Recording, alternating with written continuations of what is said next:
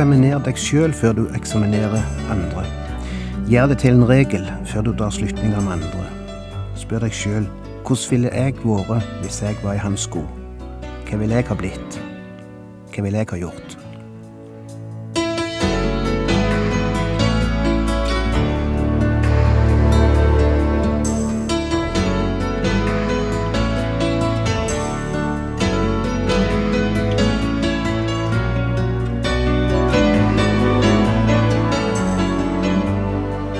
Hjertelig velkommen til et nytt program i serien Vindu mot livet. Vindu mot livet er basert på programserien Insight for Living ved Chuck Svindal. Programmet er produsert av Kristen Riksradio og blir ledet av Ola Bjoland.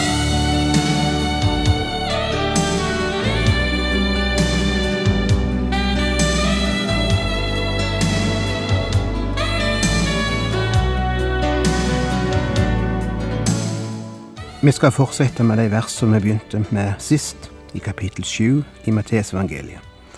Vi holder på med bergpreika, og vi leser vers 1-5 i kapittel 7. Døm ikke, for at dere ikke skal bli dømt. For dere skal selv dømmes etter den dom dere feller over andre. Og det skal måles opp for dere i det målet dere selv bruker. Hvorfor ser du flisen i din brors øye, men bjelken i ditt eget øye legger du ikke merke til? Eller hvordan kan du si til din bror, la meg ta flisen ut av øyet ditt, når det er en bjelke i ditt eget? Din hykler, ta først bjelken ut av ditt eget øye. Da først vil du se klart og kan ta flisen ut av din brors øye. Gi ikke hundene det hellige, og kast ikke deres perler for svin. De vil bare trampe dem ned, vende seg mot dere og rive dere i stykker. Hvorfor ser du flisen i din brors øye? Ordet som er brukt her, betegner en liten, nesten mikroskopisk partikkel som ligger og irriterer øyet. Karpos heter det på gresk. Et lite støvkorn eller sandkorn, eller ei bitte lita flis som nesten er usynlig, og som ikke er til irritasjon for andre enn den som har den på sitt øye. Men det er noen mennesker som er veldig flinke til å sjå slike usynlige partikler på andre sine øyne, mens de sjøl går med tømmerstokker i sine egne øyne. Ja, det er faktisk det ordet som er brukt her. Det betyr trestokk eller tømmerstokk, det som er oversatt med bjelke her. Så det er et ganske morsomt bilde Jesus bruker her. Du ser for deg en som går rundt med en svær tømmerstokk, eller telefonstolpe for den del, stikkende ut ifra øyet sitt, men han ser det ikke sjøl. Det han ser, er en bitte liten, usynlig splint i den andre sitt øye. Og det er ikke akkurat slike du ønsker skal undersøke ditt øye, for å hjelpe deg til å ta ut splinter eller fliser, hvis du har noen. Ser du det ikke for deg? Mannen med tømmerstokken i øyet kjem bort til deg og sier, Det er ei splint i øyet ditt, min venn. La meg få hjelpe deg å ta den ut. Hykler, roper Jesus. Det er greit nok at du vil hjelpe bror din med å få ut flisa, men det er ikke greit så lenge du sjøl går med en tømmerstokk i øyet. Det er ikke greit at du bryr deg om broren si flis før du har gjort noe med den telefonstolpen som stikker ut av ditt eget øye. Noen av dere husker den tragiske, tragiske historien om David og Batseba. Det husker David var på taket da han fikk øye på ei kvinne som dusja i nabohuset, og han henta henne opp på rommet sitt, og de lå sammen og hun var gift med en annen. Og ei stund etterpå kommer hun til han og sier, Jeg er gravid, jeg skal ha barn. Og Davids første reaksjon er ikke Jeg har gjort noe galt. Jeg må be om tilgivelse, både overfor Gud og de menneskene jeg er synda imot, og ikke minst den ektefellen som jeg har lurt. Nei, han føler antagelig ikke så veldig syndig, det han har gjort. Men han vet han er i ei knipe. Han vet han vil få problemer den dagen det blir oppdaga. Ikke minst vil han få problemer med mannen hennes når han får vite dette. Men trenger han å få vite det? Kan det ikke arrangeres ei lita ulykke, slik at mannen omkommer? Og så vil David få både i pose og sekk. Han vil bli kvitt skamma, og han vil få Batseba til kona. Vel, dette er ikke den første planen han prøver seg på. Først prøver han å få Batseba til å ligge med mannen sin, slik at alle skal tro at det er mannen som er far til barnet, og ingen trenger å få vite om noe. Men når ikke det lukkes, så setter han i gang plan nummer to. Arranger ei ulykke, så vi får mannen ut av verden. Sett fyren fremst i fronten, der folk blir skutt, for det at denne mannen var altså hærfører i Davids egen hær. Og nå setter David ut en plan som går ut på sett mannen fremst i fronten, der i ildlinja, slik at han blir skutt. Og de gjorde det, og mannen ble drept. Og David gifter seg med Batseba. Og David tror han skal slippe unna med det. Og det kunne han kanskje klart òg, hvis han bare hadde hatt med mennesker å gjøre. Men David har med Gud å gjøre. Og Gud tåler ikke hykleri og uærlighet. Så han sender, Gud sender profeten Natan til David. Og det er ei fantastisk historie. Når Natan kommer ned til David, og i plassen for å gå rett på sak, sier Natan, David, jeg har en vanskelig sak som du må hjelpe meg med. Jeg vil gjerne høre hva du syns om denne saken. Det gjelder en mann her i landet som har masse sauer. Han er en av de rikeste bøndene i landet. Og så er det en annen som nesten ikke har noen ting, kun et eneste lite lam. Og den rike mannen stjal forleden lammet ifra den som bare hadde dette ene. Og før han får snakket ferdig, avbryter David han. Hvor er den fyren? Jeg vil ha kloa i han. Jeg skal hudflette han. Ingen skal få oppføre seg slik i mitt rike. Den fyren skal dø. Så sant, så sant. Så riktig og så fromt. Og dog så hyklerisk. For David har en tømmerstokk i sitt eie øye nå. Og nå ser han kun den flisa som er i denne andre mannen sitt øye. Og Natan peker på han og sier, Du er mannen, David. Hvordan våger du å dømme en annen på grunn av et lam han er stjålet, mens du sjøl har stjålet ei kone og tok et liv.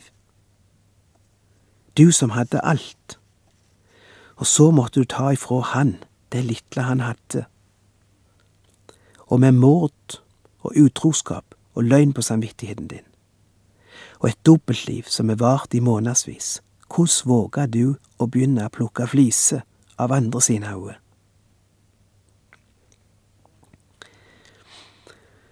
Nå er det noen som mener at Jesus her sier pass dine egne saker. Ikke legg deg opp i andre sine saker. La folk leve som de vil, ikke bland deg inn. Nei, han sier ikke det. Jesus mener ikke at vi alle skal blande oss inn, at vi alle skal formane hverandre eller irettesette hverandre, at vi alle skal peke på ting i en annens liv som er galt. Historien om David og Nathan viser jo det motsatte. Det viser hva det hele dreier seg om. Dømming er når du vil plukke fliser uten først å fjerne bjelka. Det var det David gjorde. Men Natan dømte ikke. Det er ikke dømming å gå til en bror og si han noe som er galt. Ser du forskjellen? Noen i dag ville helt sikkert ha sagt til Nathan, du skal ikke dømme, du må ikke dømme. Men Nathan dømte ikke. Han gjorde bare sin tunge plikt. Og jeg er sikker på at Nathan skulle gjerne ha betalt mye for å sluppe å gå den tunge veien, men det er ikke det som er dømming. Jeg snakket nylig med ei dame som var så fortvila fordi hun ikke visste hvordan hun skulle få sagt til venninna si noe som hun visste var galt, noe som hun følte venninna burde få høre. Men hun visste ikke om hun klarte å si det til henne. Hun var så redd hun skulle bli oppfattet som dømmesjuk. Hun spurte meg hva skal jeg gjøre? Og bare tida føler jeg som feighet og svikt. Men å si det, jeg vet ikke om jeg klarer det. Etter å ha hørt hva det dreide seg om, måtte jeg bare gi henne følgende råd. Du er plikt til å si det. Hun har krav på å få vite det. Hvis ikke du sier det, hvem skal da si det? Hun er rett på å få vite det av deg, hvis du bryr deg om henne. Hun er rett på å få en sjanse til å gjøre noe med det. Og så blir det opp til henne om hun vil gjøre noe med det eller ikke, men hun bør få sjansen. Og det var med gråt og tunge skritt at denne jenta måtte gå og konfrontere si venninne med det vonde. Det er ikke dømming. Det har ingenting med dømming å gjøre. Når har vi rett til å si noe til en annen om den flisa han har i øyet? Jesus svarer enkelt og klart på det. Ta først bjelken ut av ditt eget øye. Da først vil du se klart, og da kan du ta flisen ut av den brors øye. Og når du blitt kvitt stoffet i ditt eget øye, er du klar for andre. Og en ting til, da er du ydmyk nok til å hjelpe den andre med flisa. For da har du ikke ei dømmende holdning du er sjøl sår i øyet etter den bjelken som sto der, og som nettopp er reven ut. Du har ikke behov for å dømme. Du vet hvor vondt det gjør. Og du sier, dette kommer til å gjøre vondt, men jeg skal bli her til såret er leka. Jeg skal ikke gå ifra deg med et åpent sår, men flisa må ut for at det skal skje en helbredelse. Er det ikke interessant at Jesus bruker nettopp øyne som eksempel. For det er jo ikke akkurat i øynene vi går rundt med splinte. Det er vanligvis ikke i øynene vi får flise. Det er i fingeren, eller i foten, eller i armen, eller i hånda. Jeg vet ikke hvor mange fliser jeg tok ut sist sommer, både ifra mine egne hender og ifra barna sine føtter de sprang barbeinte på ei trebrygge og fikk stadig flise i føttene. Men her snakker Jesus om flise i øyet, og ikke noen plass på kroppen eh, er en vel så sensitiv som nettopp i øyet, og så forsiktig med som med øyet. Og ingen kaster seg over en venns øye for å grave ut ei flis. Du behandler et øye med den største forsiktighet. Kanskje det er derfor Jesus nevner nettopp øyet, for å si noe om hvor forsiktige vi skal være når vi skal plukke fliser hos vår neste. Har du noen gang sett en lege plukke noe ut av øyet på et barn, for eksempel? Har du sett hvor forsiktig han jobber? Aldri framfor et publikum. Aldri med svære tenger og grove hånd. Han er så forsiktig, så forsiktig for ikke å skade noe. For han kjenner aua sitt svakhet, og han vet at det gjør vondt. Henne sagt det slik, ingen menneske kjenner styrken i en annens fristelse. Et menneske med et medgjørlig og tålmodig temperament kjenner ingenting til fristelsene til en som har et blod som bruser i årene, og et temperament som lett tar fyr. Et menneske som har vokst opp i et godt og trygt hjem, og i gode og trygge omgivelser, vet ingenting om hva det vil si å vokse opp i slummen, eller et sted hvor de vonde kreftene rår. Et menneske som er velsignet med gode foreldre, vet ikke noe om den påkjenning en har som ikke har foreldre, eller har foreldre som har såret ham, skuffet ham og løpt fra ham. Faktum er at hvis vi visste hva noen mennesker har måttet gjennomgå, ville vi være langt fra å dømme dem, men kanskje heller beundre dem for at de er blitt såpass som de er blitt. Hva skal en så gjøre med dette? Hvordan skal en kontrollere ei tunge som så lett dømmer andre? Hvordan skal jeg lære å velsigne i plassen for å forbanne, som Jesus taler om her i bergpreika? La meg gi deg tre-fire enkle råd. Enkle å forstå, iallfall, men kanskje ikke fullt så enkle å følge. For det første, eksaminer deg sjøl før du eksaminerer noen andre. Gjør det til en regel før du drar slutning om andre. Prøv deg sjøl. Spør deg sjøl hvordan ville jeg vært hvis jeg var i hans sko? Hva ville jeg ha blitt? Hva ville jeg ha gjort? Det betyr ikke at en aldri skal si noe, at en aldri skal veilede eller korrigere eller formane eller si sannheten til folk. Men en sier det på en litt annen måte, og med en litt annen holdning når en først stiller noen ransakende spørsmål til seg sjøl.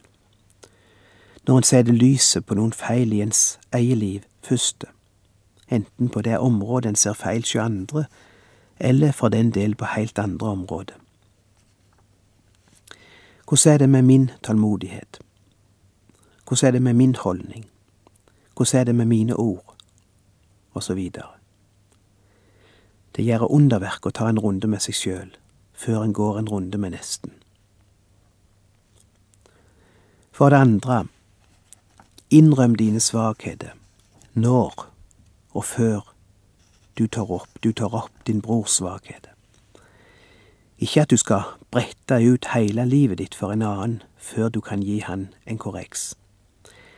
Men det er noe med det å ha en holdning som viser at du ikke er perfekt sjøl, at du ikke tror du er bedre sjøl, sjøl om du må si dette til han. Det hjelper meg når en lege som skal operere meg, sier jeg har vært gjennom dette sjøl. Jeg vet hva du må gjennomgå. Jeg vet nøyaktig hva du føler akkurat nå. Jeg vet hvordan den smerten er. Og for det tredje, husk at målet med å konfrontere et menneske med noe, med å komme med en formaning eller irettesettelse, målet er å bygge han opp og hjelpe han opp, ikke å rive han ned. Vil huske på det òg? Hvis motivet er noe annet enn å hjelpe han, og få han på beina igjen, og reise han opp, da skal du heller la være å si noe.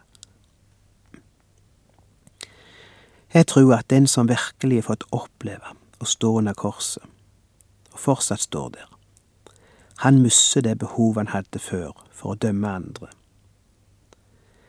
Ofte er det faktisk skyldfølelse som gjør at en blir dømmesjuk. Eller kan være mindreverdighetsfølelse. Ofte er det indre spenninger og konflikter. Eller spenninger og konflikter en har med andre mennesker, som gjør at en har behov for å dukke andre. For dømming er ikke noe annet enn dukking. Men den som sjøl står under korset, som har opplevd og oppleve det som Luther opplevde da han skrev.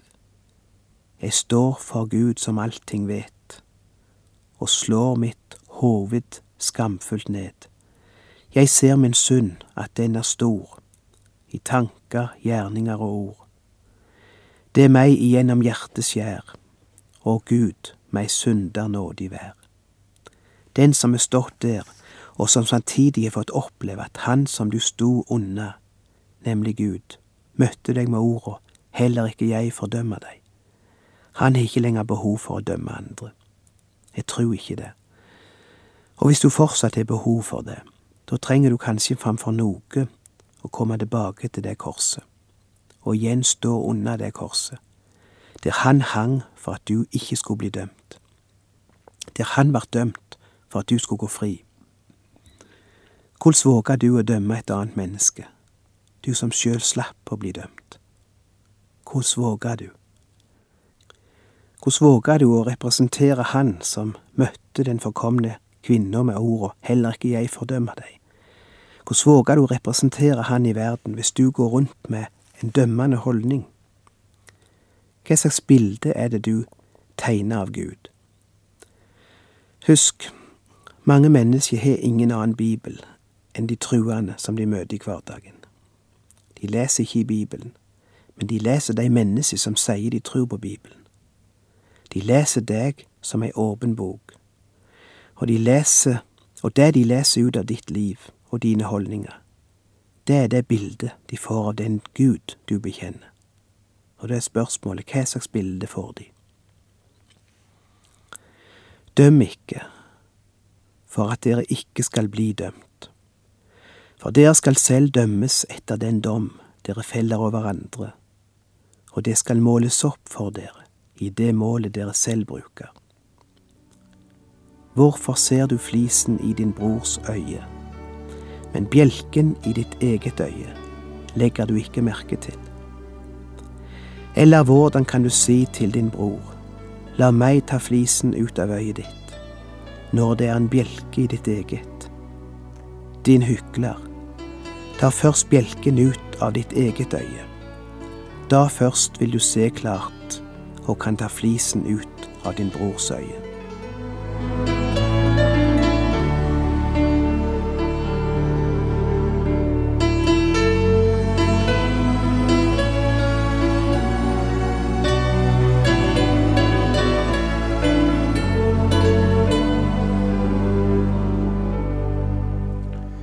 Du har lytta til Ola Bjoland i serien 'Vindu mot livet' fra Kristen Riksradios arkiv. Ola Bjoland var ansatt i Kristen Riksradio til han døde i 2002.